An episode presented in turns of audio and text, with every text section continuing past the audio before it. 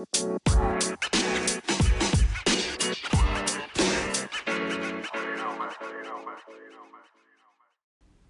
hører på Geopodden fra rom 315 på Amalie Skram videregående skole. Jeg heter Ingrid og er dagens programleder. I denne podkastepisoden skal vi snakke om et mye omdiskutert og svært spennende tema, nemlig klimaendringer. Jeg har med meg en rekke eksperter på temaet, som forhåpentligvis kan hjelpe både meg og deg til å bli klokere på klimaets endringer og hvilke konsekvenser det vil ha for oss. For det er nemlig sånn at uansett hvordan vi vrir og vender på det, så vil klimaendringer påvirke oss. Jeg sitter nå her med Adrian, spesialist på klimaendringer. Og han vet mye om hvordan klimaet har endret seg i mange tusener av år bakover i tid. Adrian, kan ikke du fortelle litt om dette? Det kan jeg selvfølgelig, Ingrid. Det er lett å glemme at temperaturendringer har pågått en god stund før menneskeheten. Og klimaet vårt endres av flere faktorer. Noen av faktorene er f.eks. drivhuseffekten, astronomiske endringer og platedrift. De fleste forskere, inkludert meg, er enige om at det bare er en brøkdel av temperaturendringene vi har sett etter den industrielle revolusjonen, som kan forklares med økt solinnstråling. Det er faktisk hele 7 av verdens forskere enig med, eh, ifølge John Cook, en australsk klimaforsker og nær venn av meg. Eh, men kunne ikke du tatt så forklart med noen av disse faktorene som fører til eh, temperaturendringer? Eh, det første jeg skal snakke om, er astronomiske endringer. Astronomiske endringer kan gi store variasjoner i klima. Milankovic-syklusen er et ord man ofte møter på når man snakker om astronomiske endringer. Ingrid, har du hørt om denne syklusen? Nei, den, det er veldig ukjent for meg. Kan ikke du ta oss og forklare det? Det kan jeg. Så basically, syklusen går ut på at det er regelmessige forandringer i jordens bane rundt solen og jordens rotasjonsakse.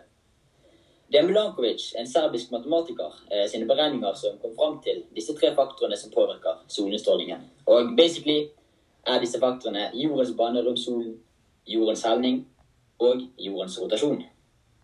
Disse tre faktorene virker sammen slik at mengden solinnstråling som når og treffer jorden, varierer. I denne syklusen har vi regelmessige intervaller, hvor vi både har istider og varmere perioder. Og det er dette her som er Milankovic-syklusen. Så det er Milankovic-syklusen som på en måte bestemmer når det er varmt og når det er kaldt her? Eh, ikke helt. Det er, det er flere faktorer som spiller inn. og for eksempel, En av de her er da platedrift. Eh, fordi eh, litosfæreplatene våre beveger seg som sagt langsomt, men over jordoverflaten. Og Dette kan da danne fjellkjeder som påvirker klimaet med, med luftstrømmer. Eh, men vi kan også flytte landskap gjennom ulike eh, breddegrader. Og faktisk, for flere, flere, millioner år siden lå Norge sør for ekvator. Eh, men det kan jo ikke være en eh, Eh, en forklaring på klimaendringene vi ser i dag, fordi de har beveget seg veldig lite de siste 500 000 årene. Og så, og så har jeg hørt noe. Det var, det var noe greier med at siden før sant, så hadde vi dinosaurer på jorden. Men jeg mener jeg har hørt at det var klimaendringer som gjorde at, at de døde ut og ikke kunne leve her lenger. Stemmer det? Eh, det er noen forskere som tror. Det er, litt, eh, det, er et omdiskutert tema, men, eh, men, det de tror, det er at astrider, som da store steiner som da treffer jorden, kan da føre til klimaendringer. Og for ca. 65 millioner år siden så traff en, en stor asteroide jorden omtrent ved Yucatan-halvøya i Mexico. Og kollisjonen mellom asteroiden og jorden førte mye støv og aske da opp i atmosfæren. Noe som eh, blokkerte for solinnstrålingen. Eh, og dette førte jo da til at klimaet på jorden sank, og mesteparten av livet på jorden døde ut. Noe som kan være en forklaring på hvorfor dinosaurene døde ut. Akkurat. Og da tenker i hvert fall jeg at hvorfor skal vi da stresse med klimaendringer når klimaet uansett kommer til å variere med denne syklusen?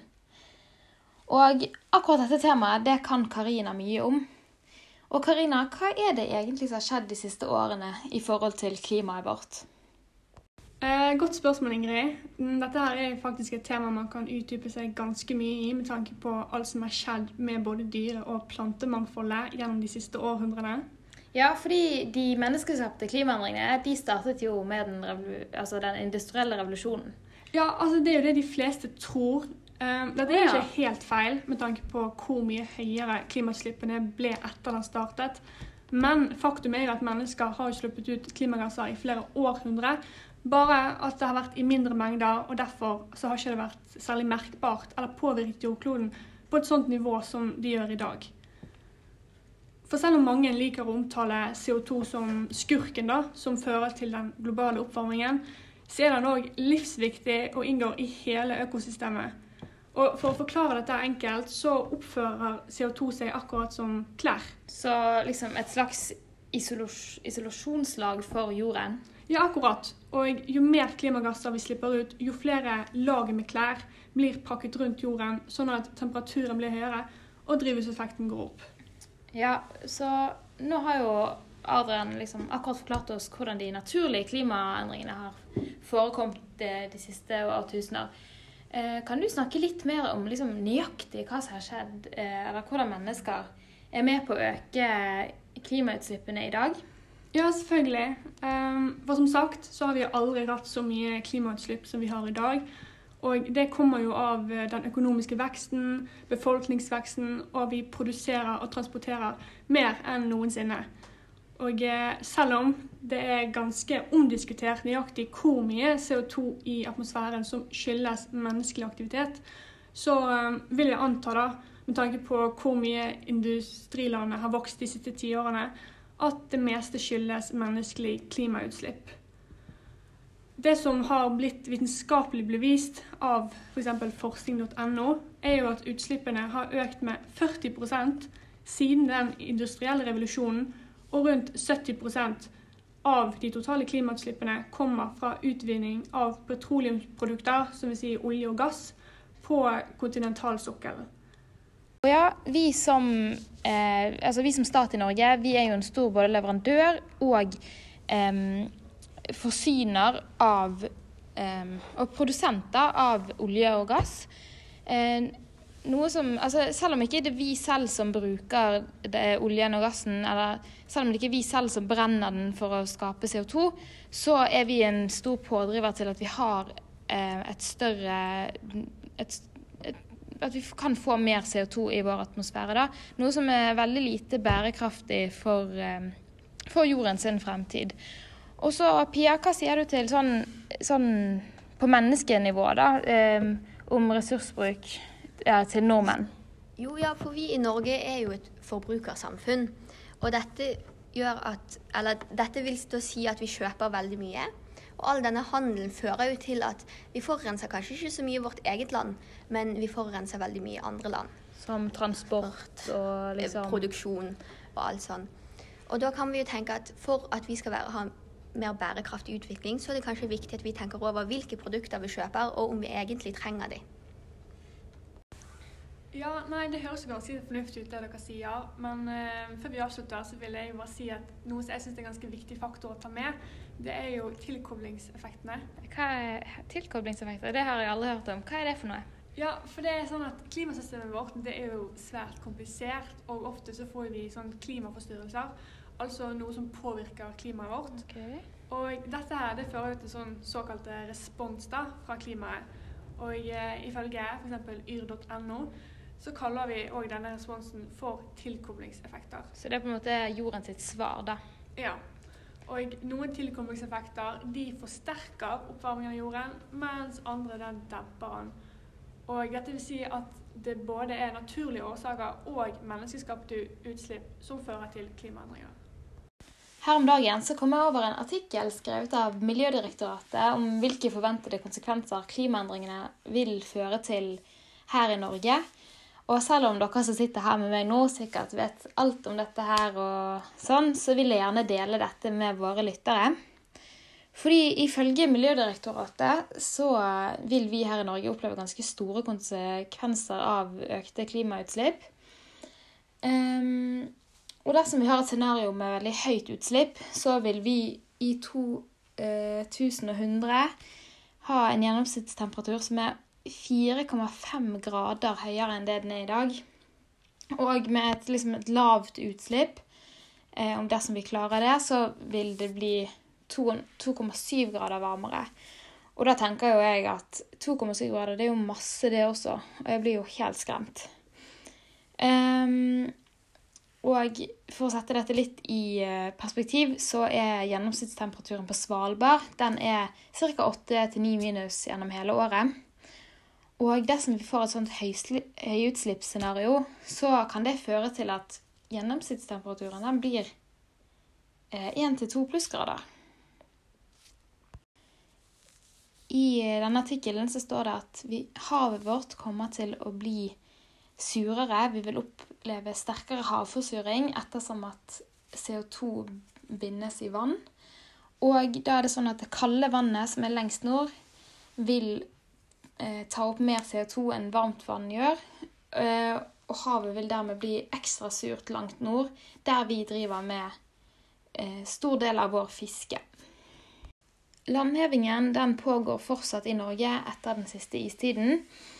Og eh, dette med stor fordel for oss, fordi at dermed vil havstigningen virke mindre her i Norge enn resten av verden. Vi vil dessverre også oppleve mer nedbør, noe som vil føre til eh, flere regnflommer og mer skred, og da både jord- og snøskred. Det jeg har snakket om nå, det er hvordan klimaendringer vil kunne påvirke Norge, ifølge forskere. Og da lurer jeg på hvordan klimaendringer vil kunne påvirke resten av verden. Jeg er så heldig å ha med meg Pia, som kan veldig mye om dette.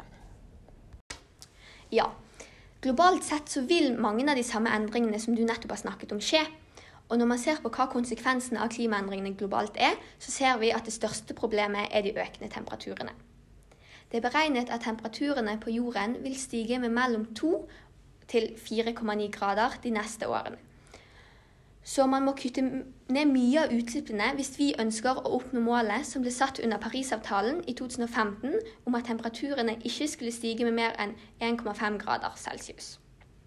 De økende temperaturene vil føre til at sjøis og isbreer vil smelte. Og når denne isen smelter, vil havnivået stige og, hav, og økningen, eller at havnivået stiger, kan føre til mye og mange nye problemer, som f.eks. klimaflyktninger, som da er definert som et menneske eller en gruppe mennesker som er nødt til å forlate hjemmene sine pga. klimaendringer, da ifølge IOM, som er den internasjonale organisasjonen for migrasjon. De stigende temperaturene vil også føre til mer nedbør og ekstremvær. Dette vil vi oppleve i Norge òg, men de ekstreme endringene vil påvirke først de som bor steder hvor landområdene ligger lavere, fordi de vil raskere bli påvirket av havstigningen. Eh, og du Pia, i Bergen, eh, vil vi se noen spesielle klima, eh, liksom noen konsekvenser av klimaendringer her? Eller ja, hvordan vil dette se ut i Bergen? Selvfølgelig så vil vi jo se endringer i Bergen òg. Men det, hvor stort utfallet er, påvirkes av hvor flinke vi er til å minske utslippene våre. Det skal sies at bergensere er noen av de landene som kommer til å bli minst påvirket av klimaendringene. Temperaturene vil stige her, sånn som i resten av landet, men vil ikke, endringene vil ikke være like store. Nedbøren vil også øke i Bergen.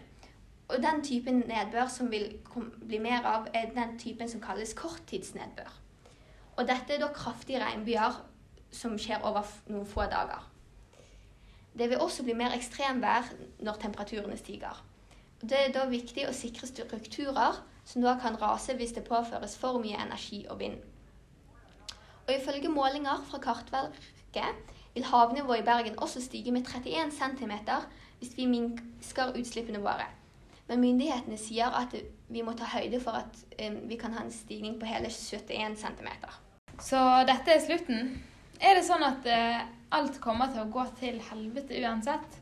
Og at vi bare kan lene oss tilbake og vente på alle konsekvensene og sånn? Jeg tenker jo at det må jo være noe vi kan gjøre på å forberede oss eller takle konsekvensene av klimaendringene bedre. Hva sier du, Pia? Jo, så det er jo selvfølgelig ting vi kan gjøre for å tilpasse oss det nye klimaet. Vi kan da f.eks. bygge bedre og sterkere infrastruktur som da vil tåle store mengder vann og mer ekstremvær. Da mener vi f.eks. ting som kloakksystem og sånn, sant? Ja. Ok. Det er også viktig å sikre plasser som er utsatt for ras. Og, og man kan også bygge gode hindringer og demninger for å forhindre at det ikke kommer vann hvor vi ikke ønsker det.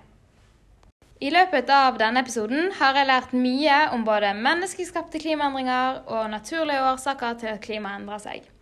Jeg har blitt litt klokere på hva vi må forberede oss på i fremtiden, og hvordan vi kan forebygge skader i samfunnet osv. Tusen takk til dere alle ekspertene her som sitter med meg, for at dere ville komme hit i dag og gjøre dette til en fabelaktig episode. Vær så god! Ha det!